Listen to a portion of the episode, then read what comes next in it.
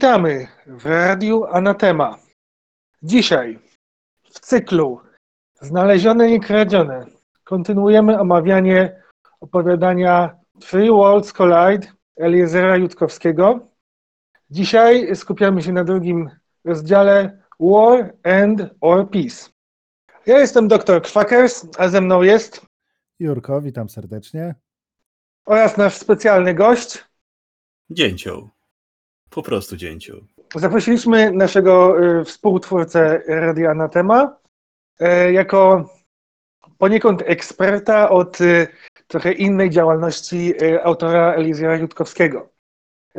Dzięciole, jeżeli możesz. Tak, zostałem tutaj zaproszony jako ekspert od fanfików o Harrym Potterze. Tak, możesz kontynuować. Liczyłem na jakieś większe takie!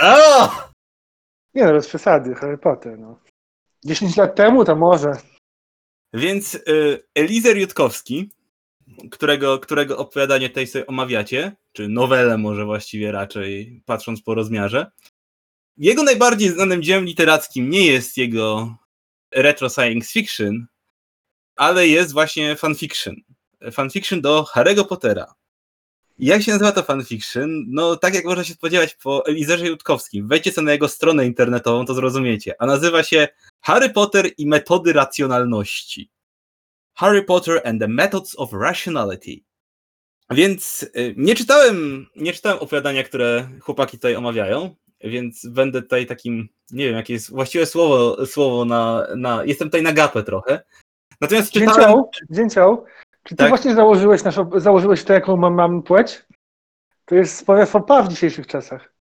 Doktorze Quackers, y, doktorze Quackers, to jest, to jest, to jest niskie, znaczy ten żart, ten żart, nawet na, na, na nasze standardy jest już tak słowo, słowo, słowo, słowo, którego chcę użyć, może nie powinno padać na tak szacownym podcaście, ale sugeruje ono y, fakt, że ten żart odbył bardzo dużą ilość stosunków płciowych za pieniądze. Za dużą. Dobrze, dobrze. Zażartować co nie można. Nie. Jokes are degenerate. W każdym razie, Harry Potter i metody racjonalności. E, Myślę, że myślę, że jest warte, by skoro już omawiacie Elizera Jutkowskiego, wspomnieć w tym dziele. Może kiedyś coś więcej powstanie w jakichś dziwnych okolicznościach na temat tego, bo, bo to w sumie dość ciekawy projekt. Natomiast ja całego tego fanfiktu nie przeczytałem. Przeczytałem początek jego dość duży, jakieś 10 rozdziałów, e, których jest bardzo, bardzo dużo. Natomiast Natomiast to jest istotne. Jest, istotne jest to, że Elizer Jutkowski nie przeczytał Harry'ego Pottera, każdego nie całego Harry'ego Pottera. Przeczytał początek, nie wiem czy jedną książkę, czy dwie albo trzy. I- Bo jako fan racjonalności, transhumanizmu, kriogeniki i libertarianizmu, no oczywiście nie jest, nie do końca jest fanem tego typu literatury, czego można się spodziewać, ale jest fanem, jak zresztą chyba tro- trochę widać też w tym opowiadaniu Three Worlds Collide, które korzysta z tego e, sztafarzu złotej ery science fiction, tak? Trochę, trochę, takiej trochę pulpowej, takiej optymistycznej bardziej może pozornie, e, bez tych takich bardziej nowoczesnych e, elementów. No to tutaj wykorzystał Harry'ego Pottera, bo Harry Potter jest popularny, jest bardzo dużo fanfiktów i można zrobić fanfikt o wszystkim. I naprawdę, można zrobić fanfikt o wszystkim. I nie chcecie tego wiedzieć. Więc e, Zdajemy sobie sprawę, że istnieje taki fanfic jak My Immortal, właśnie bazujący na. Tak. Bardzo My- pobieżnie ba- bazujący na uniwersum Harry'ego Pottera, gdzie wszyscy praktycznie są satanistami. e, Wszyscy są biseksualni albo homoseksualni i praktycznie wszyscy są gotami. Tak, więc w przypadku Harry Potter, Potter and the Methods of Rationality jest jeszcze gorzej, bo prawie wszyscy są krukonami. więc, więc generalnie cały, cały schemat Harry Potter and the Method of Rationality y, opiera się na tym, e, że Harry Potter, że nie, nie, że- nie, że Harry Potter, że Petunia, ciotka Harry'ego Pottera nie wyszła za grubego producenta świdrów, ale wyszła za e, naukowca uniwersyteckiego. I on został oczywiście przybranym ojcem Harry'ego Pottera i Harry Potter e, wychował się w środowisku akademickim, w związku z czym w wieku 10 lat, ponieważ nie wiem, genetyka nic nie znaczy i liczy się, liczy się tylko wychowanie, jest kimś absolutnie innym niż w książkach. Mianowicie jest takim nastoletni to złe słowo, bo to jest, ma 11 lat, to jeszcze przed trochę, no ale jest takim dziecięcym geniuszem naukowym. Nie, nie nawet geniuszem w tym sensie, że ma jakieś wielkie osiągnięcia. i że odkrył coś niesamowitego, nie takim złotym dzieckiem, savantem, nie, bardziej jest tak kimś, kogo całe myślenie, całe rozumienie jest, jest oparte o metodę naukową. Y, on jest fanem metody naukowej, a nie jakichś poszczególnych odkryć naukowych. Znaczy jest autystyczny trochę. To nie, to, to nie jest autyzm. To jest, to, jest, to jest bardziej coś takiego jak. Cały myk jest taki, nie wiem, czy któryś z Was czytał jakąś powieść Ayn Rand albo Terego Goodkinda. Oczywiście. Terry Goodkind to jest... Ayn Rand kojarzę, ale nie czytałem tak naprawdę żadnych ich dzieł. Więc e, Terry Goodkind to jest zmarły przed, zresztą nie, tuż tu, niedawno, przed kilkoma dniami, zmarły pisarz fantazy, autor sagi Miecz Prawdy, która jest takim e, niezbyt dobrej jakości, e, ale fantastycznym, ideowym fanfiction do Ayn Rand. Ideowym, no bo nie, świat jest fantastyczny. Który, to, teraz, tak? A to teraz powiem szczerze, mnie zainteresowałeś, bo na Miecz Prawdy natknąłem się przypadkowo e, i owszem, pomijając walory jakościowe, to niesamowicie mnie ta saga wciągnęła, ale nie wiedziałem, że ona jest inspirowana czymś, czymś innym.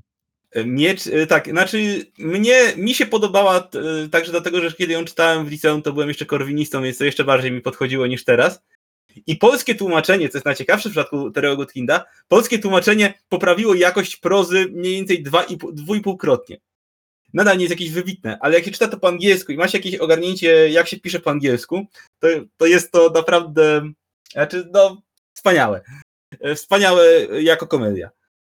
No i tak samo jak Ayn Rand, Terry Goodkind jest tak samo bezkompromisowy i zafiksowany na swojej ideologii, także po prostu nie wiem, yy, święci doktorowie kościoła są przy nim łagodni, sceptyczni agnostycy. Yy, więc y, to, jest, to, jest ten, to jest ten poziom mm, człowieka. Ale co chciałem powiedzieć? Otóż i u Ayn Rand, i u Terego Goodkinda jest coś takiego trochę jak bohater randystowski. Zresztą widziałem też y, y, fanfic do Harry'ego Pottera, który, który, który Nigdzie nie było to napisane, nigdzie nie było to potwierdzone, ale jestem prawie pewien, że też kopiował tego bohatera w postaci Harry'ego Pottera, tylko już tak bardziej normalnego Harry'ego Pottera, ale go jakby doprowadził do tego poziomu. Ale tutaj mamy osobę zafiksowaną, tylko nie na punkcie tego obiektywnego kapitalizmu, ale na punkcie tej racjonalności i metody naukowej, do poziomu, gdy ona nie ma właśnie charakteru poza tą taką żelaznym, żelaznym maszerowaniem za tą regułą. I na początku, na początku to jest komiczne, później, później trochę mnie zaczęło to irytować, bo ten bohater się robi coraz, coraz bardziej irytujący, bo na początku jest element komiczny. Kilka pierwszych rozdziałów e, to jest takie Harry Potter, który jest tym turboscientystą, racjonalistą i tak dalej, dowiaduje się, że istnieje magia i ona łamie prawa fizyki. I z tego są śmieszne żarty. E, całkiem dobre. Ale później Harry Potter jakby przejmuje kontrolę i staje się takim wkurzającym e, ubermenszem, tylko ubermenszem nie, nie kapitalizmu, ani nie niczanizmu, tylko racjonalizmu racjonalizmu rozumianego w ten sposób, jak autor rozumie, nie, nie klasycznej metody filozoficznej, bo to z kolei nie ma w ogóle z tym nic wspólnego. I później, to, i później się wdaje, wdaje, zaczyna się wydawać, nie wiem co dalej, ale, ale wygląda na to, że się to rozwija, bo cała, cały fanfic na 140 rozdziałów to jest tylko pierwszy rok i wydaje się jakiś, jakąś wojnę umysłów z profesorem Quirrellem, który jest też zupełnie zmienioną postacią i jest też jakimś geniuszem zła. Więcej nie jestem w stanie powiedzieć, bo dalej nie zaszedłem, nie zaszedłem jeszcze, bo główny bohater zaczął mnie niesamowicie denerwować. Dlatego, że zacząłem odczuwać to samo, co odczuwałem wtedy. Oto jest ten twój nieomylny, absolutnie zafiksowany na punkcie bohater, który po prostu idzie, klapki na oczach w pewien sposób. Więc tak. Więc, więc tak, takie coś tworzy e, Eliezer Jutkowski. Nie wiem, jakich tworzy bohaterów w tym opowiadaniu, które teraz będziecie omawiać, ale tam miałem taki bardzo silny vibe randyzmu. Taki nie ideologicznie, chociaż on jest libertarianinem, więc spodziewam się, że w jakiejś mierze to zahacza o siebie. Nie zdziwiłbym się nawet, gdyby, gdyby wchodził w to właśnie od tej strony trochę. Y, chociaż y, randyści zwykle nie są jakimiś fanami wielkimi sztucznej inteligencji i tak dalej, bo oni jednak, wiecie, wolna wola, człowiek to jak troszeczkę jest takie podświadome, że o, człowiek to prawie że korona stworzenia, bo jest ten y, inteligentny, a maszyny nie mogą być inteligentne, większość z nich twierdzi w sumie, nie wiem dlaczego, bo nie mają żadnej spójnej teorii, dlaczego człowiek jest inteligentny, poza tym, że uznają, że tak, bo tak im wyszło e, z introspekcji. E, no, ale, ale, ale taki odczułem, e, odczułem wniosek. Nie wiem, nie wiem, jak to będzie wyglądać tutaj. Z chęcią posłucham, co się tam dzieje dalej na, na etapie prawda, kosmitów, kosmitów zjadających dzieci. Ale, ale właśnie tak to jest z fanfiction jak właśnie teraz y, patrzę na wiki, y, to mam tutaj takie zdanie. Według Daniela Snydera z The Atlantic opowiadanie wywołało poruszenie wśród społeczności fanów oryginalnych powieści Harry Potter, a koncepcja utworu spotkała się z mieszanym odbiorem. Czy ty wiesz coś może o tym, jakie były generalne odczucia fandomu, przynajmniej może tego polskiego przynajmniej, fandomu Harry Pottera? Nie, polskiego nie wiem, chociaż wiem, że ktoś zaczął to tłumaczyć na polski, ale nigdy jakoś nie spojrzałem na, na forum Miriel, czyli chyba największym, a przynajmniej najbardziej dbającym o jakość literacką tych fanfików, bo były jeszcze jakieś tam takie zupełne, zupełnie jakieś izolowane forum, y, które, które były duże, ale gdzie było naprawdę mnóstwo frotu. To na forum Miriel ono zaczęło być tłumaczone, tak to zauważyłem, był chyba jeden rozdział, poszedłem czytać po angielsku i przerwałem, przerwałem lekturę później, jak zaczął mnie Harry Potter w tym wydaniu bardzo denerwować. I, yy, I więc nie wiem, jakie były, ale generalnie jest, jest pozytywne. Na przykład, na, y, żeby było śmieszniej, jest bardzo duży wątek, chyba nawet kilka wątków poświęconych, bo po kolei się tam kończyły, na y, głównym forum George'a R.R. Martina, poświęconym pieśni Lodu i Ognia, jest duży wątek. Kilka, kilka, kilkaset spokojnie komentarzy padło właśnie ludzi, którzy czekali na aktualizację metod racjonalności, taki fajny. To jest, to jest na pewno nowatorskie, nowatorskie spojrzenie na temat. I może, może przez to, że hmm, nie wiem właśnie, czy, czy, to tak, czy to tak zadziała. Chyba przeczytam to, żeby już nabrać pewności, ale pewne kolejne aspekty epistemologiczne, bo Jutkowski jest właśnie mocno, mocno siedzi w tej epistemologii naukowej i tak dalej, no to pewne aspekty są z każdymi kolejnymi rozdziałami poruszane i te rozdziały mają trochę taką um, taką naturę, że oczywiście rozdział jest częścią większej historii, ale też ma ten jakiś swój morał a propos jakiegoś problemu poznawczego i przychodzi dalej i dalej. Więc y, takie ma pośrednie, pośrednie wyjście pomiędzy klasyczną y, metodą powiedzmy powieściową, a taką bardziej powieści w odcinkach bym powiedział, co jest generalnie dość dobre, kiedy publikujesz powieść w odcinkach jako fanfic, który się uda, jakby uaktualnia co jakiś czas, a nie wydaje cały naraz. A powiedz proszę, jak sądzisz, czy mm, ten fanfic miałby w ogóle rację bytu, gdyby to nie był Harry Potter? Gdyby to była po prostu opowieść o tych postaciach. No bo e, zastanawia mnie jedna rzecz, skoro to są zupełnie zmienione postacie, nie mające ze swoimi oryginałami wspólnego niewiele więcej niż, niż imię i nazwisko, z tego jakieś szczątki historii. No przynajmniej była... w przypadku Pottera i, i Quirella w pierwszym, w pierwszym tomie. Pozostałe postacie są jako tam zachowane, ale oczywiście ta e, inteligencka, powiedzmy, maniera maniera mm, autora mocno wchodzi, ten jego kult racjonalności. E, stąd Potter idzie oczywiście do Ravenclaw, przeciąga tam Hermionek, prawda, która staje się jego pomagierką trochę. E, z kolei Ron Weasley jest zły, no bo Gryfoni są prawda, emocjonalni, prawda, i, i, i się wkurzają, więc, e, więc widać tutaj ten jego ten. Inne postaci, mam wrażenie, nie są aż tak zmienione, ale, ale też to nie jest tak, że autor je bardzo rozumie, bo autor też nie wgryzł to bardzo, to jest dla niego bardziej wykorzystanie popularnego schematu, żeby napisać opowiadanie.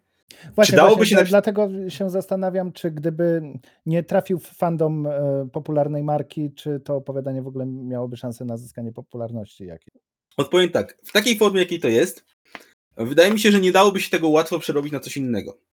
Są takie opowieści, które się, które się dość mocno przerabia na jakiś inny, na jakiś inny setting i, są, i ich jakby settingowość jest bardzo powierzchowna, ale tu jednak jest wykorzystane to, no, stosunek między rzeczywistością mugolską a magiczną w świecie Harry'ego Pottera. Więc żeby to zadziałało jako coś niezależnego, trzeba byłoby stworzyć coś podobnego.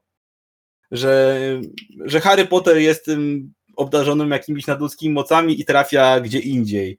E, do jakiegoś innego miejsca, gdzie jest, nie wiem, prawda, kult, kult y, Goecji, y, Goecji, Ariozofii i szatanowskiej magii seksualnej, jak w opowieściach o Heinrichu Potterze.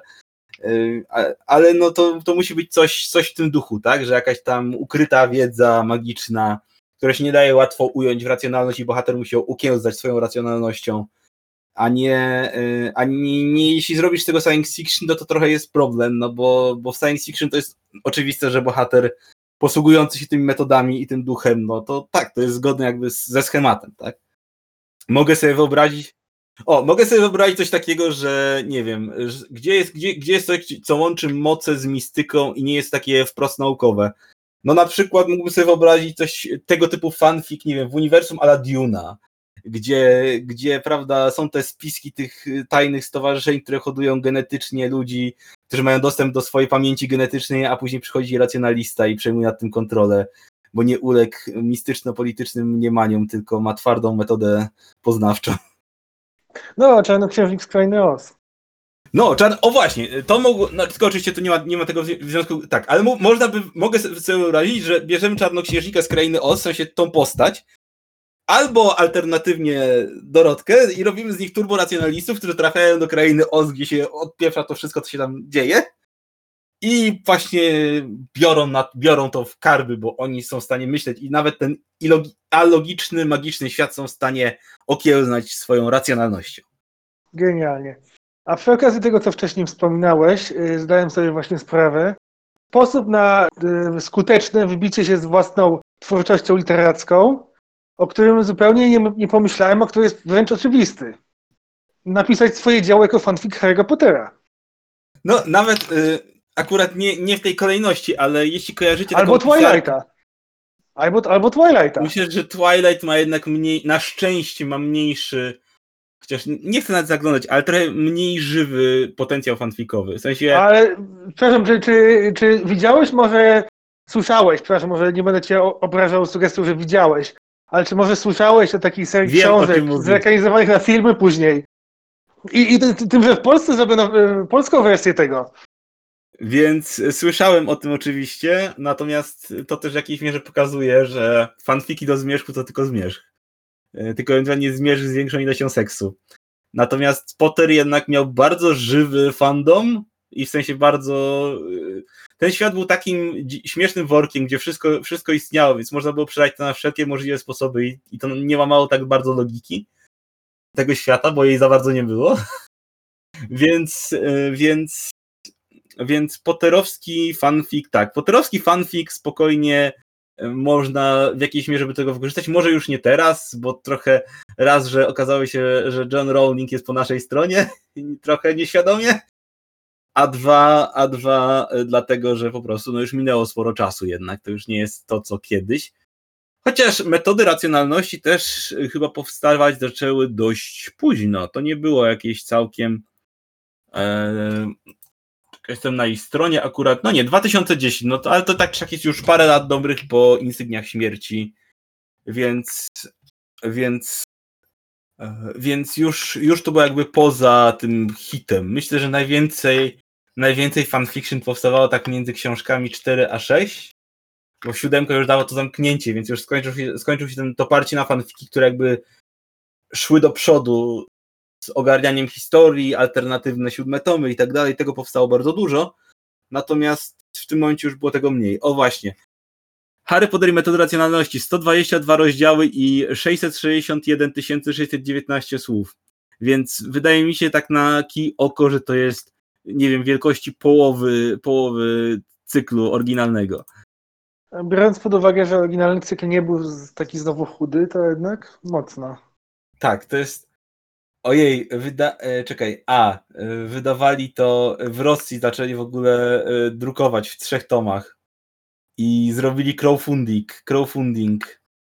A rozumiem, że Rowling po prostu nikt nie zapytał.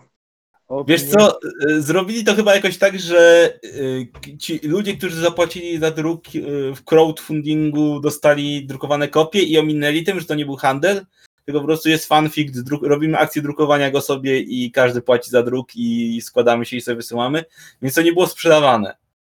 E, tak per, o, oficjalnie sprzedawane. O właśnie, właśnie, właśnie, właśnie. E, nie, nie, doszedłem, nie, doszedłem, nie doszedłem do tego momentu, ale, ale właśnie jest, jest opisane jeszcze, jeszcze weselej, że e, tak.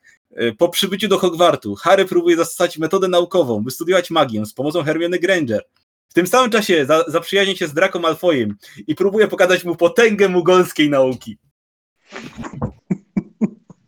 A pod koniec tych fanfików wszyscy uznają, że jednak wolą być po stronie Voldemorta po prostu, żeby tych Mugoli wykończyć. To by była świetna puenta. Jest to metoda. W ogóle, w ogóle śmiesznie, bo jego, jego, mm, e, jego nickname, którego używa w fanfikach, to jest less wrong.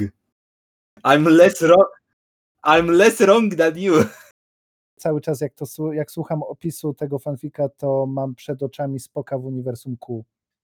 Że cały czas jak to Widzę słuchasz, to w to wersji Spok w Uniwersum Q. Nie wiem, czy, czy jesteście Trekkies, czy nie, ale, ale widzę po prostu jakiegoś takiego hardego wo- wolkanina w, w, w świecie Q.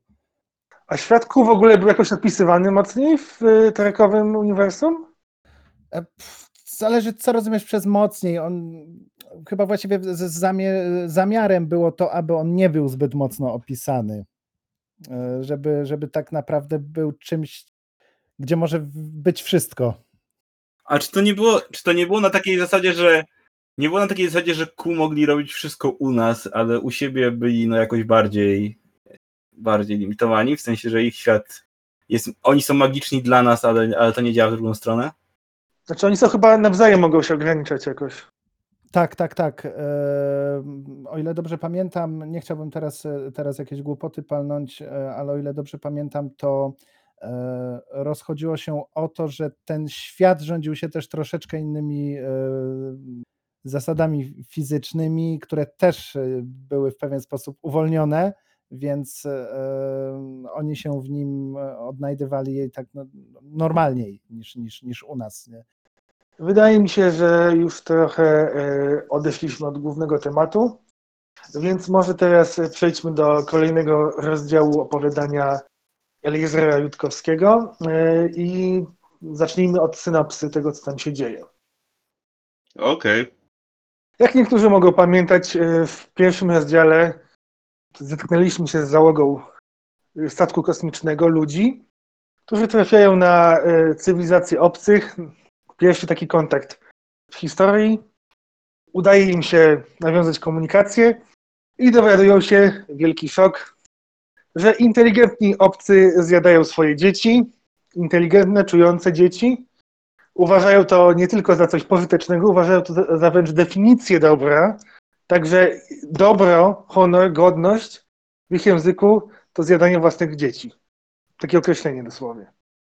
I teraz y, ludzie zdają sobie sprawę, że przesłali obcym wystarczająco dużo wiadomości o sobie, żeby obcy wiedzieli, że ludzie nie zjadają swoich dzieci. A ludzie wiedzą, że obcy zjadają swoje dzieci. I tu jest właśnie ten moment, kiedy w tym pierwszym rozdziale mieliśmy jakby ustawienie sceny pod to, co się ma dziać. Wszystko zostało wyjaśnione, albo prawie wszystko. Jaki jest tło, jaki jest background, o co chodzi. Drugi rozdział to moment, kiedy akcja się zaczyna. Kiedy to wszystko, co zostało wcześniej przedstawione, wywołuje y, określone zachowania u bohaterów. Na początku drugiego rozdziału y, bardzo wyraźnie widzimy, że załoga ludzkiego statku zaczyna się dzielić na obozy. Z jednej strony niektórzy uważają, że proceder, jaki uprawiają dzieciojady, powinien być jak najszybciej ukrócony, że oznacza to konieczność y, agresji wobec nich, y, podbicia ich świata, nawet jeżeli będzie to oznaczało wybicie wszystkich dorosłych, to trzeba to zrobić w imię ocalenia młodego pokolenia, zwłaszcza z racji tego, że młodych dzieciojadów jest wielokrotnie więcej niż dorosłych, a to by uzasadniało właśnie taką działalność. Kolei drugi obóz e, ogłasza, że nie mogą być tymi, którzy e, zaczną agresywne wojenne działania, że nawet jeżeli nie zgadzają się z, z tym, jak obcy funkcjonują, z tym, co robią, to nie jest to wystarczające do rozpoczęcia wojny, czy inwazji, czy potencjalnie nawet wybicia dużej części y, ich populacji. E, I ten bardziej pokojowy obóz uważa, że no, pojawiają się tutaj różne argumenty, niektóre bardziej celne, niektóre mniej. Ciekawą wymianą zdań na początku jest, że ten pokoju, znaczy nie, nie, cytuję dosłownie, ale tak tłumacząc, e, żeby zachować sens. E, Chcesz, chcecie pokoju z dzieciojadami? Oczywiście. A co z dziećmi dziecie, dzieciojadów? Co z nimi? No cóż, nie można wymuszać ludzkich standardów na nich. Co jest nie do końca moim zdaniem trafnym argumentem, ale jednak pewien sens e, w tym jest. E, Dostajemy również pewne informacje na temat e, świata, w którym to się dzieje. Nie tak dużo, jak to było w pierwszym rozdziale, ale też kilka ciekawostek. Między innymi informacje, że już od bardzo dawna e, ludzkość nie zna wojny, po części tak jak właśnie obcy, że udało się wyplenić, że dosłownie ludzie nawet już nie starają się tak bardzo eksplorować tamtych czasów. Po prostu czytają, natomiast nie oglądają hologramów, które miałyby to jakoś przedstawiać, bo jest to zbyt drastyczne dla nich. E, tutaj wydawało mi się to jest tutaj taki moim zdaniem mocny zgrzyt, że z jednej strony ludzie e, tak bardzo negatywnie patrzą na przeszłość, w której istniała wojna, a z drugiej strony tak szybko są skłonni do rozpoczęcia e, galaktycznej wojny z innym gatunkiem, nawet, nawet jeżeli powód wydaje się być taki bardzo, bardzo konkretny. Tak jak to, że nie zgadzają się na to, żeby obcy zjadali swoje dzieci. Tak, to jest pewien zgrzyt.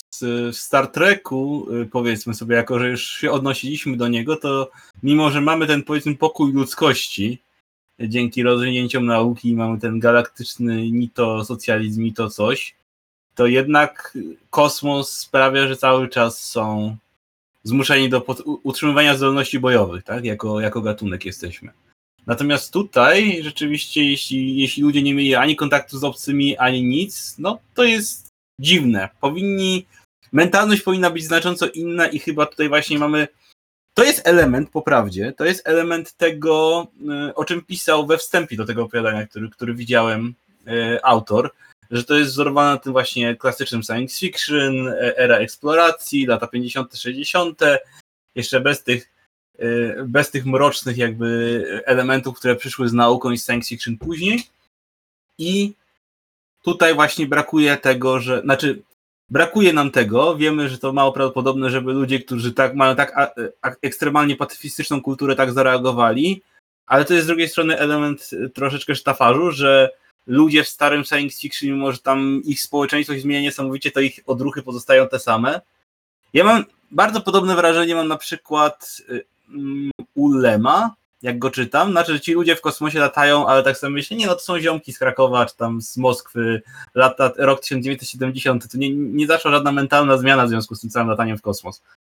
I tak samo tutaj y, to może być celowy zabieg, bo z drugiej strony autor jest transhumanistą, więc takie rzeczy powinien rozumieć. Ja z kolei mam odrobinę wrażenie, skupiając się na niektórych elementach tego rozdziału, że autor pisze troszeczkę pod tezę. Mm, ma ustalone to, co chce przedstawić, i nie do końca pozwala naturalnie mm, wypłynąć pewnym, pewnym kwestiom, e, tylko wypełnia punkty, które ma na liście. Tak jak wspomniałeś, właśnie konieczność wprowadzenia konfliktu wewnątrz ludzkiej załogi stoi ponad naturalnym kontynuowaniem wątku e, pokojowego. E, dalej, e, konieczność przedstawienia tego wyboru jako, jako czegoś jeszcze bardziej dramatycznego, żeby napięcie cały czas rosło, jest kolejnym punktem, więc po tym, jak dowiedzieliśmy się, że obcy zjadają swoje, swoje dzieci, właściwie najpierw, że, że je zabijają, później, że je zjadają, e, to w momencie, kiedy już troszeczkę sytuacja się uspokajała, dostaliśmy tym, że mózg tych dzieci żyje miesiąc po, śmie- po zjedzeniu. Tak, dokładnie. cały czas ból. Tak jakby miał wylistowane, co po kolei musi pójść i, i to wypełniał pisząc, zamiast dać temu naturalnie popłynąć. Mhm, tak, dokładnie, dokładnie się z Tobą zgadzam też tak. Trochę myślę, że mamy ten konflikt na zasadzie między postaciami. Każda postać prezentuje tak bardzo jednoznacznie, bez, bez żadnych wątpliwości w zasadzie swoje podejście, y, a nie, wewnętrznie jakby nie, nie odczuwali tego, że a może się mylę, może coś nie tego. Tylko konflikt jest jakby, służy do prezentacji tego, jak to może taka dyskusja przejść, przy, jak taka dyskusja może zachodzić. Tylko, że taka dyskusja może zachodzić wewnątrz każdego człowieka, a niekoniecznie między grupą ludzi, którzy są jednoznacznie przekonani, że mają rację. Właśnie, to, to dobrego słowa teraz użyłeś, prezentacja. To opowiadanie wydaje się prezentacją pewnych idei, a nie idee są częścią opowiadania. Mm, tak, tak, zgodziłbym się. Jak wspomniałeś, pojawia się ten y, kolejny taki jeden aspekt y, budowania świata, że te mózgi dzieci obcych są takim najtwardszym, najwytrzymalszym elementem co powoduje, że one nie rozkładają się od razu, że istnieją gdzieś tam wewnątrz ciała tych y, obcych, którzy je zjedli i funkcjonują jeszcze tylko odcięte zupełnie od jakiegokolwiek odczuwania, y, czy jakichkolwiek możliwości kontrolowania jeszcze czegokolwiek. Y, I to wychodzi właśnie też w momencie, kiedy można, mo, może by było tak, że oni jeszcze zdołają się jakoś przekonać do tego, żeby nie iść wojowniczo. To, to tutaj już taki kolejny element, który już musi przybić, musi dalej, dalej, przybić, że jednak, powinni, jednak jest argument za tą wojowniczą ścieżką. Jest też powtórne wspomnienie dylematu więźnia. Tutaj, tutaj tak mi się bardzo mocno wydaje, że ten dylemat więźnia to jest trochę traktowany jak jakiś, jakiś koncept filozoficzny, jakiś paradygmat funkcjonowania, jakieś, jakieś przekonanie, że trzeba działać w określony sposób, a nie po prostu koncept z no, starych gier. Ponieważ jeden z bohaterów mówi, że no bardzo, on, on bardzo chciał e, być tą stroną, która zdradza, ale y, chyba, chyba woli świat, w którym byłaby współpraca. No i to wszystko wydaje się takie trochę, trochę wymuszone moim zdaniem. Tutaj mogło, mogło być cokolwiek innego niż y, dylemat więźnia. To mogło być jakaś, nie wiem, jakaś y, przyszłościowa filozofia, która się rozwinęła w, w momencie, kiedy ludzie osiągnęli ten światowy pokój która właśnie zakłada coś takiego, jak że nie, nie zaczynać y, wojny pierwszemu, czy że starać się osiągnąć kompromis. Ale tutaj jest wrzucony właśnie ten dylemat więźnia, który moim zdaniem tutaj trochę nie pasuje jako taki koncept, jakim on jest, tylko jest tutaj traktowany jako coś, coś więcej, coś innego, coś czym nie jest. Wydaje mi się, że to podejście do dylematu więźnia jako do problemu filozoficznego w pewien sposób e, potwierdza pojawienie się kolejnej postaci na scenie, e, przedstawiciela przedstawiciela Chodzi ci zakonu o... cichych spowiedników. Tak. Ja, ja to przetłumaczyłem sobie jako zakon cichych powierników, po to, żeby to nie, nie brzmiało zbyt, zbyt jak jakiś zakon religijny, ale tak, to też jest możliwe tłumaczenie. Właśnie ten przedstawiciel zadaje im bardzo y, interesujące pytanie, czy są w y, stanie uszeregować e, swoje wartości. Czy mm, to, w imię czego chcą rozpocząć wojnę, jest ważniejsze niż, niż, niż inne kwestie, które, które uznają za, za ważne w swoim życiu. Jak to opisał, on nie stoi na straży moralności, tylko zdrowia psychicznego. Tak. I wspomniał, że jeżeli jesteście gotowi coś przehandlować, czyli poświęcić w imię czegoś większego, to yy, możecie to utracić. Tak, wydawało, wydaje mi się to właśnie takim ciekawym podsumowaniem e, tych rozważań postaci na temat dylematu więźnia. Też e, wspomniałbym jeszcze, ponieważ już doszli, doszliśmy właśnie do konfesora, odczułem takie wrażenie, że wspomniano dopiero co właśnie o tym pokoju między ludźmi, który istniał przez nie wiadomo jak długo. I teraz w momencie, kiedy oni właśnie trafiają na idee, które są te idee obcych, które obcy prezentują, które są tak bardzo odmienne od ich własnych i nie wiedzą, jak do tego podejść, momentalnie tworzy się konflikt między ludźmi. Wchodzą zachowania, które świadczą o podziale na obozy, o e, tym, jak się ocenia w ogóle to, jak ktoś z innego obozu, jak on ma szansę przeciwko tobie, jak można by go próbować zmanipulować, czy on jest silniejszy, czy jest słabszy. Tak odczułem. To nie jest może jednoznacznie powiedziane, ale tak mi, tak mi się wydaje, że, że to trochę tak było, było próbowano, to, próbował to przedstawić, opisując tą, tą sprzeczkę między y, tymi dwiema stronami. Tak, w ogóle zastanawiałem się w tym momencie, w jaki sposób udało im się osiągnąć ten pokój na Ziemi, skoro nie są w stanie y, skonfrontować się y, w łatwy sposób z kimś o diametralnie innych podstawach cywilizacyjnych. Czyżbyśmy tak. mieli tutaj także do czynienia z eksterminacją masową przeciwnika i dlatego nastał pokój? E, w ogóle e, na samym początku, jak już e, jesteśmy w, w, temacie mm, zrozumienia kogoś o mm, diametralnie różnych podstawach cywilizacyjnych, to oczywiście pomijając już to, co wspomniałeś, czyli sztandarowe, nie możesz stosować naszych standardów do, to na samym początku widać niesamowite przerażenie po stronie bohaterów ludzkich E, I zacząłem się zastanawiać, jak niesamowite przerażenie musi teraz panować na statku obcych. Mm, tak, bo dokładnie. oni nie zetknęli się w tym momencie tylko z kimś, kto e, robi coś niemoralnego, kosmicznie niemoralnego, tylko zetknęli się z samą definicją zła według nich. To tak jakbyśmy nagle, e, nagle jedziemy sobie przez miasto, patrzymy, a tu szatan wyskakuje. Tak, tak. Przypomina mi się od razu drugi podcast y, na temat szatanienia. To, to można posłuchać w naszym innym cyklu. No ale wróćmy do omawianego tekstu. No właśnie w momencie, kiedy odbywa się cała ta dyskusja, e, ludzki statek otrzymuje wiadomość od obcych. E, zajmuje mi chwilę zrozumienie dokładnie o co chodzi. No i okazuje się, że e, obcy chyba też uznali, że coś trzeba z, tym, z tą różnicą ideową zrobić i starają się przekonać ludzi, jak dobrym pomysłem jest zjadanie własnych dzieci. Jest odwołanie się do wielu argumentów, jednym z, jedną z sugestii jest to, że gdyby e, ludzie posiadali więcej potomstwa, potem część z niego zabijali i zjadali, no to przetrwałoby to, co jest najlepsze i e, wtedy ewolucja ludzi postępowała szybciej. Ten argument jest dość szybko odrzucony.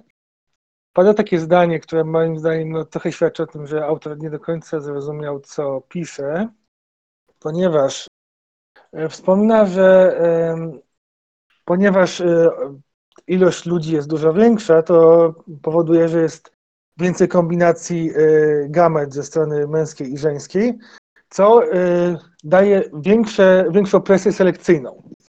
Tak jest napisane w tekście, natomiast y, błąd tutaj polega na tym, że selek presja selekcyjna to nie jest ilość możliwych kombinacji, tylko to jest nacisk na to, że pewne kombinacje są, pewne kombinacje genów alleli są skuteczniejsze w przetrwaniu niż inne. Natomiast sama zmienność w populacji jest już czymś trochę innym. To jedno i drugie przekłada się na zmiany populacyjne i ewolucję, jednak jedno nie jest drugim. Znaczy, rozumiem, że. Bo teraz nie jestem pewien do końca, do końca jaki jest argument y, kosmitu. W sensie rozumiem kwestię tego, że więcej ludzi, większa zmienność jest bardziej z czego wybierać. Oni to opisali mniej więcej tak, że w sytuacji, kiedy e, znaczna część e, dzieci zostaje zjedzona, to wybiera się tylko te najlepsze, przejawiające wartościowe cechy, więc ewolucja postępuje szybciej dzięki temu. No, stara dobra eugenika. To jest, to, jest, to jest dość ciekawe rozwiązanie, ale są tu. Podstawowe pytanie jest takie: jak duża jest cywilizacja kosmitów w tym świecie? Czy jest to powiedziane? Nie jest powiedziane, jak duża jest, natomiast jest tam zasugerowane, że e, dzieci jest chyba co najmniej o rząd wielkości niż dorosłych, ale większość z nich jest e, wybijana przez rodziców, żeby tylko ten. Znaczy, technicznie po to, żeby najsilniejsze przetrwało, ale w rzeczywistości dlatego, że taki mechanizm kiedyś miał sens, a utrzymał się po prostu w ich społeczności. Więc to nie jest tak, że oni teraz muszą to robić, ale robią to dlatego, że ich kultura powstała wokół tego to ja to rozumiem ten aspekt. Chodzi mi o coś innego. Chodzi mi bardziej o rozmiary cywilizacji kosmitów w stosunku do ludzi, bo wiem, że ludzie tutaj są, są mają wiele planet i ci ludzie nie są z Ziemi, tylko z jakiejś innej planety i przylecieli do kolejnej, więc chodzi mi, chodzi mi o kwestię tego, jak dużo jest tych kosmitów. No to nie jest powiedziane.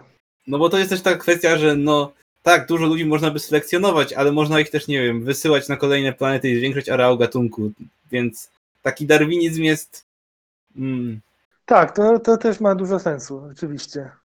Że po co wybierać e, tych najlepszych z najlepszych, skoro każdy może być przydatny.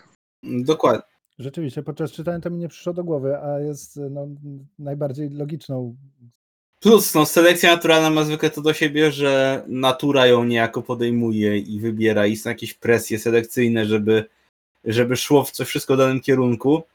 I wstawianie w to mechanizmu sztucznego niekoniecznie zadziała lepiej, bo w sensie no to będzie selekcja w kierunku. No to w jakim kierunku? No to nie przyspiesza ewolucji, to ją ukierunkowuje sztucznie. Tak, właśnie w poprzednim odcinku też się zastanawialiśmy, co stało u podstaw yy, wielodzietności obcych. Skoro mieli jakiegoś naturalnego przeciwnika, który w, miliony lat temu ich zjadał, yy, no to co się z nim stało i tak dalej. Yy, no i to jest pytanie, jak szybko mogą, mogą się mnożyć obcy, tak? Czy ci obcy są jakimiś insektami, jeśli dobrze kojarzę? Takim... Krystaliczny, krystalicznymi insektami, tak jest powiedziane, czyli mają krystaliczną budowę, a kształtem ciała tylko przypominają insekty, więc nie są insektami. To żywe jako... minerały, tak? Tak. Jest nawet tutaj ciekawie powiedziane, zresztą może dodamy, skoro już idziemy w tym kierunku, że obcy nie posiadają gamet jako takich, nie, nie, nie, zachodzi tam jakaś kombinacja DNA, bo oni tego nie mają po prostu, tylko że e, młode osobniki, zachodzi nukleacja młodych osobników z jakichś elementów które są produkowane przez obojga rodziców. Więc tu nie zachodzi jakaś rekombinacja DNA, nie zachodzi mieszanie cech przez, przez mieszanie fragmentów zawierających DNA zawierających informacje, tylko zachodzi po prostu jakby konstrukcja tego osobnika przez rodziców. Jeżeli ja to dobrze rozumiem, czy... Muszę czy... powiedzieć, że mimo wszystko, tym wszystkim, najbardziej mnie dziwi, że w tych w przyszłym świecie, gdzie są, spotykają się po raz pierwszy dwie cywilizacje, które już mają tam powiedzmy cywilizacje kosmiczne i się orientują, że mm, tak trochę niezręcznie jest, prawda? To, to odruchem w obu przypadkach nie jest stwierdzenie, aha, kosmici, więc oni robią bardzo dziwne rzeczy. Trzymajmy się od nich z daleka, ale co nas to w sumie obchodzi? E, zgadzam się, tak. Też tak myślałem, że w sumie e, strasznie szybko przeszli do założenia, że wewnętrzne sprawy obcych ich obchodzą tak bardzo, żeby zaczynać z nimi wojnę. Znaczy, nie wiem, czy ja mam tutaj po prostu jakiś brak empatii, czy coś takiego, że no okej, okay, może nie jest fajnie, że oni zadają swoje dzieci, ale czy to jest coś, co tak bardzo mnie angażuje, że ja muszę w związku z tym zaczynać pierwszą wojnę w galaktyce? Tak, i obcych też to angażuje. Jesteśmy inteligentnymi kryształami, które zadają własne dzieci. Spotykamy coś zupełnie innego to jest, nie wiem, tak, spotykasz, jak widzisz, nie wiem, co robią różne zwierzęta, nie wiem, czy oni, zakładam, że mają zwierzęta jakiegoś rodzaju krystaliczne w swoim świecie, to zakładam, że ich behawior nie jest wszystkich taki sam, więc to jest coś, czego cywilizacja kosmiczna, cywilizacja, która opodobała metodę naukową, powinna się spodziewać.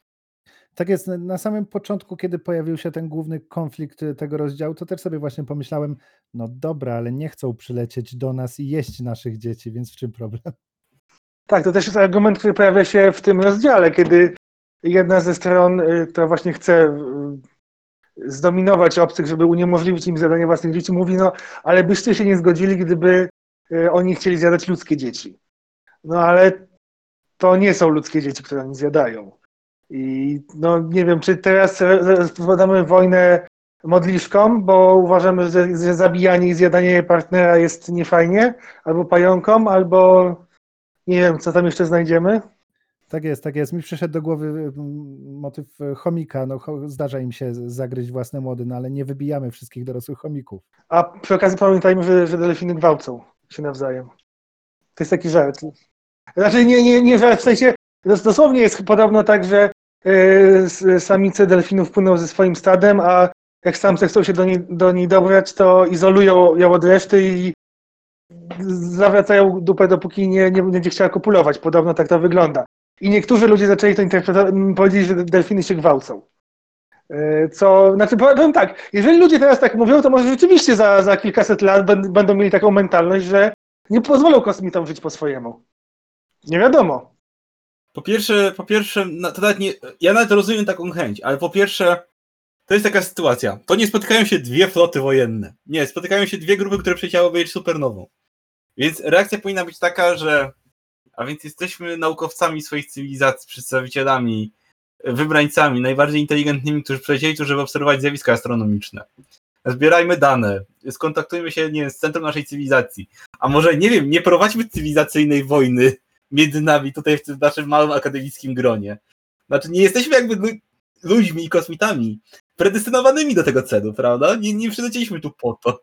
Więc pierwsza reakcja kontaktu z inną cywilizacją jest taka, że aha, obie grupy próbują automatycznie się nawrócić. No dobrze, i nawet jak jedna nawróci drugą, to co to da w kontekście tej całej wielkiej cywilizacji, która czeka na plecami? To myślicie, jak ci się przekonają i polecą, to, to się wszyscy zgodzą na to? No nie, no, nie, nawet oni zakładają, że to by oznaczało jednak e, coś więcej niż tylko przekonanie tych, tych na drugim statku kosmicznym. To nie jest aż tak naiwne, ale, ale jest tego blisko. No więc właśnie to jest moment, kiedy, kiedy dowiadujesz się o czymś takim, to nie próbujesz przekonać tych kosmitów, ani nie próbujesz przekonać tych ludzi, tylko zbierasz te dane i mówisz, a, no dobrze, trzeba to, trzeba to przedyskutować z naszą Radą Federacji. To jeden z bohaterów też poszedł troszeczkę tym tokiem myślenia, może nie aż tak e, odpowiednio daleko, ale e, właśnie zaczął zadawać pytania, no, no i co potem? Zaatakujemy im co, ich i co potem? E, będziemy walczyć, tylko po co? Na co zmienimy stan obecny? W jaki sposób tak naprawdę? Też może już dodajmy jeszcze, pojawia się w pewnym momencie pytanie a propos argumentu obcych. Ok, czy skoro pomysł obcych z zabijaniem większości potomstwa, posiadaniem dużej ilości potomstwa i zabijaniem jest, uważają go za dobry, to czemu nie zmodyfikują sami siebie, tak żeby produkować wielokrotnie więcej potomstwa i zabijać wielokrotnie więcej? Ponieważ jest powiedziane, że oni, ich, ich rozwój naukowy pozwoliłby na coś takiego, na zmodyfikowanie samych siebie, żeby mieli inną liczbę potomstwa. No ale oczywiście pada odpowiedź, że e, nawet bez pytania obcych, że obcy uzasadniają to, co jest dla nich dobrym. To, co istniało jeszcze zanim oni wiedzieli o istnieniu czegoś takiego jak ewolucja, czy e, o istnieniu jakichś takich moralnych wskazówek, jak, jak, czy, czy, czy pragmatycznych, pragmatycznych idei, jak działać. To jest coś, w oparciu o co oni to wszystko uzasadniają, więc nie da się tu, zrobić czegoś bardziej fundamentalnego. No takie ich podstawowe prawo naturalne. Przy okazji muszę powiedzieć, że to też jest. Hmm, mam. Znaczy, ja rozumiem, że to jest gimmick dla problemu, który przedstawia, ale mam też spory problem z cywilizacją, która stworzyła galaktyczne imperium i której abstrakcyjne, e, abstrakcyjne terminy są nie, nie tylko, że tam etymologicznie można się dobrać, ale są realnie powiązane z jakimiś tam archaicznymi elementami. To jest tak jakby, nie wiem, ludzie w językach ludzi dobro znaczyło to samo, co dużo zboża i było to ściśle powiązane. 20 tysięcy dzięciole, lat po dzięciole, e, jak się slangowo mówi na coś fajnego? Gimmick. Nie, nie. Cool. Full... Rule of cool. Na przykład full wypas. Full wypas, no. Full wypas na dzieciach kosmitów.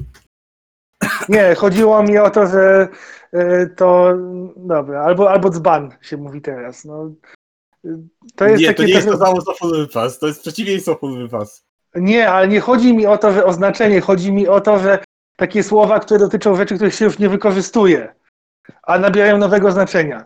Okay, to nie jest dokładnie to samo, nie jest to samo, że jakieś słowo mm, jest kojarzone w jakiś tam pozytywny sposób i to się utrzymuje bez przerwy cały czas, ale że... Tak, ale zwykle zatraca swoją, y, zatraca swoje pierwotne znaczenie, albo ono jest znacząco zredukowane. Typu y, wypasiony, teraz oznacza wspaniały, prawda, i tak dalej. I mówimy o samochodzie. Kiedyś się mówiło wypasiony, kiedy miałeś dużego konia. Teraz, kiedy będziesz miał konia, który jest dobrze odkarmiony, to powiesz, wiem, odkarmiony albo utuczony, ale zwykle nie powiesz wypasiony, chociaż pierwotnie się mówiło wypasiony. Nie, bo teraz wypasiony to jest samochód albo chata. I to jest logiczna ewolucja języka, ja to rozumiem. Natomiast w sytuacji, gdyby e, wypasiony oznaczało dobro i dobro się mierzyło tym, jak gruby jest twój koń, no to i to realna, to jest tak jakbyś w ogóle nie osiągnął poziomu abstrakcyjnych terminów. Co mogłoby być ciekawe, gdyby ci kosmici w ogóle nie, nie mieli żadnych abstrakcyjnych terminów, ale, ale nie, nie zanosi się na to do końca. Jest po prostu gimmick, żeby oni byli absolutnie niezdolni do introspekcji nad własną moralnością. Tak to brzmi. Tak, ale powiem Ci, że trochę mi się też wydaje, że możliwe, że oni, że wydaje mi się, że ich przedstawienie generalnie tak trochę sugeruje taką niezdolność. Że ich społeczeństwo jednak na tyle dobrze funkcjonuje z tym wszystkim, że też nie ma dla nich sensu no powiedzmy, ten mechanizm, który oni rozwinęli, być może powodował po prostu eliminację jednostek, które zaczynają kwestionować coś takiego. Ale, ale, ale jednak promował społeczeństwo na tyle stabilne, no, że nie rozleciało się samo z siebie. Bo czy, o, czy oni mieli wojnę o to w ogóle? Czy ja dobrze kojarzę, że mieli wojnę o to jedzenie dzieci?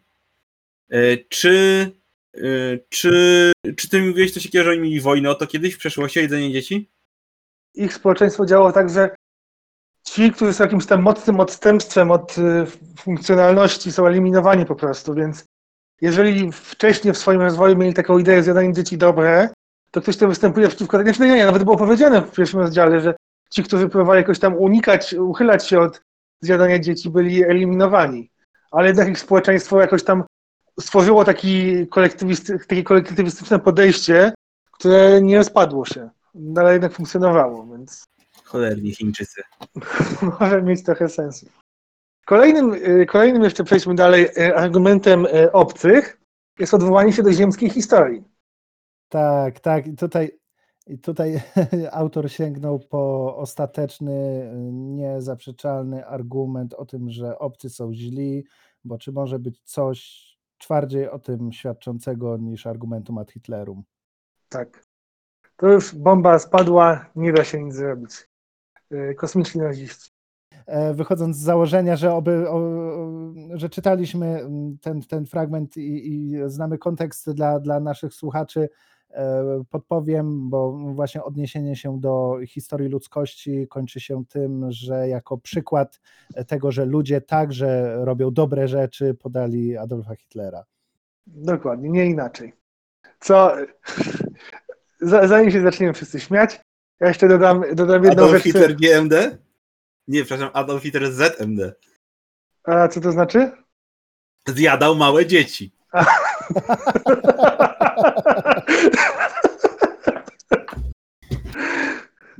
Ale te, teraz, teraz jeszcze, jeszcze, jeszcze powiedzmy jedną, dodajmy jedną rzecz. Otóż obcy mają w założeniu dostęp do całej, całej wiedzy ludzkości. Znaczy całej, całej historii ludzkości tutaj. Takiej, takiej, o której ludzie sami wiedzą. I chcąc uzasadnić ideę masowego zabijania dzieci własnego gatunku, wybierają Adolfa Hitlera, który okej, okay, niekoniecznie jest złym wyborem, natomiast nie wybierają czegoś innego, też trochę z tego okresu czasu.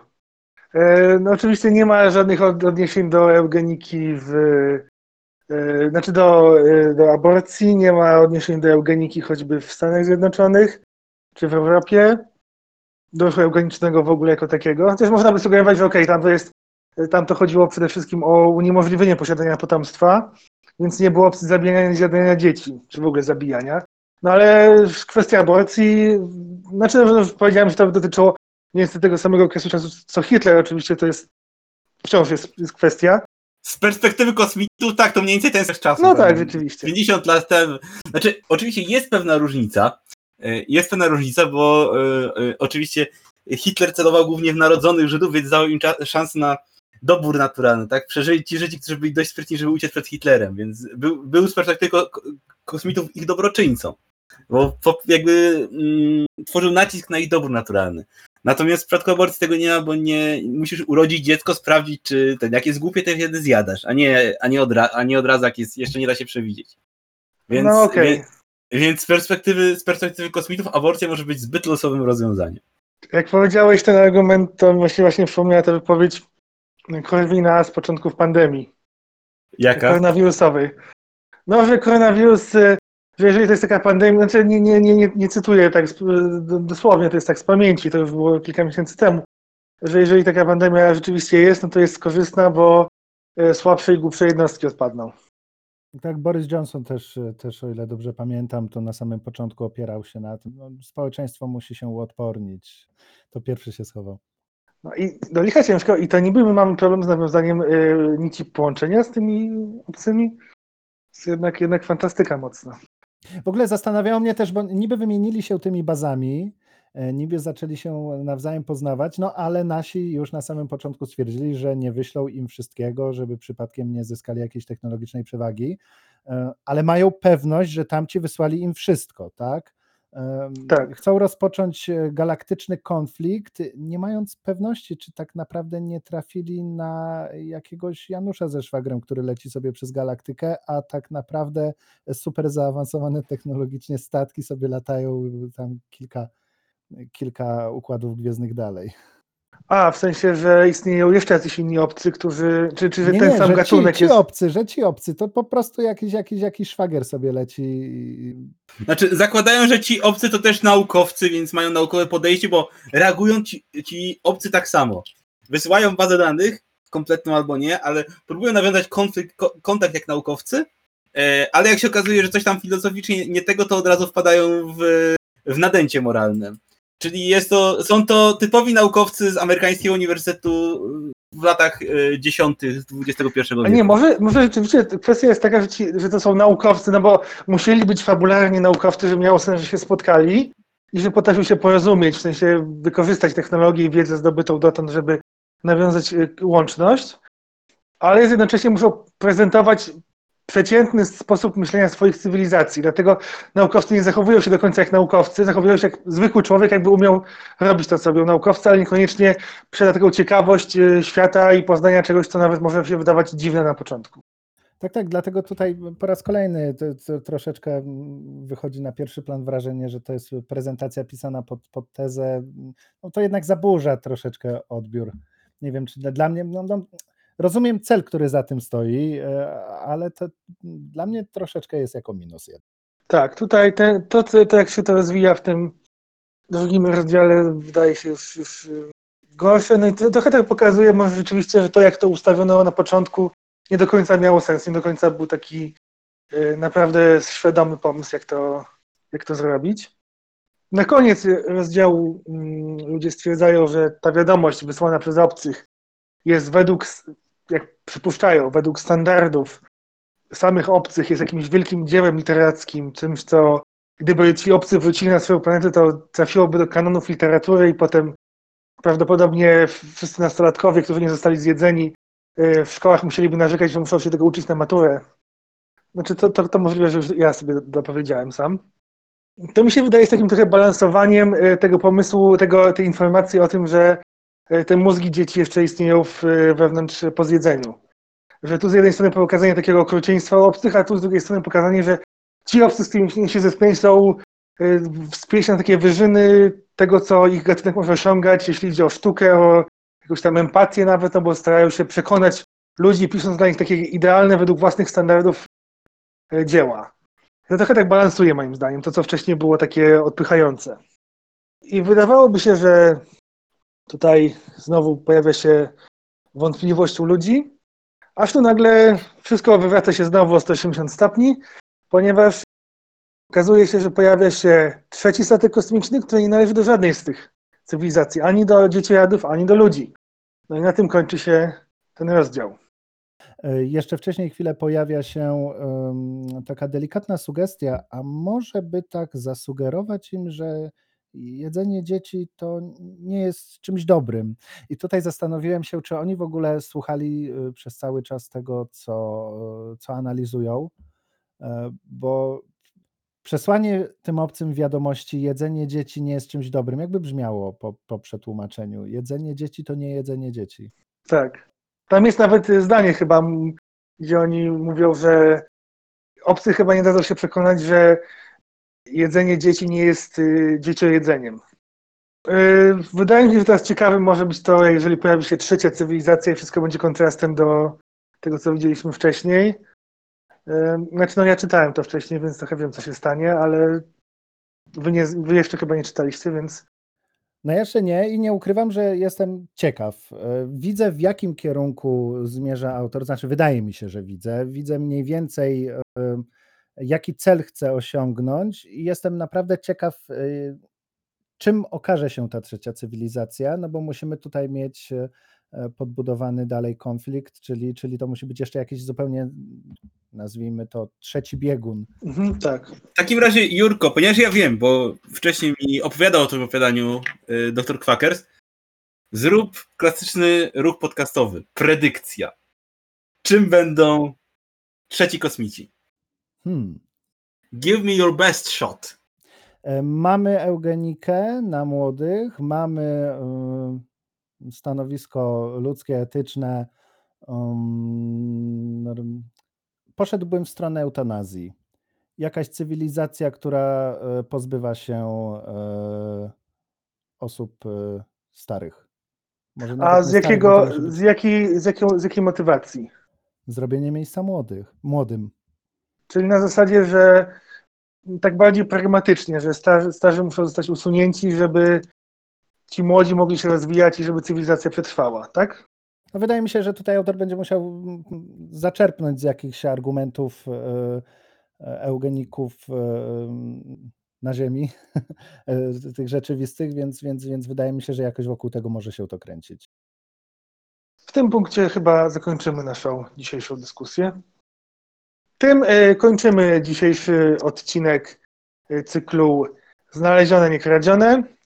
E, zapraszamy Was do kolejnych odcinków oraz do innych audycji w Radiu Anatema. Z Wami byłem ja, dr Kwakers oraz ja, Jurko oraz oraz ja. Dzięcioł. E, zapraszamy Was do następnej audycji.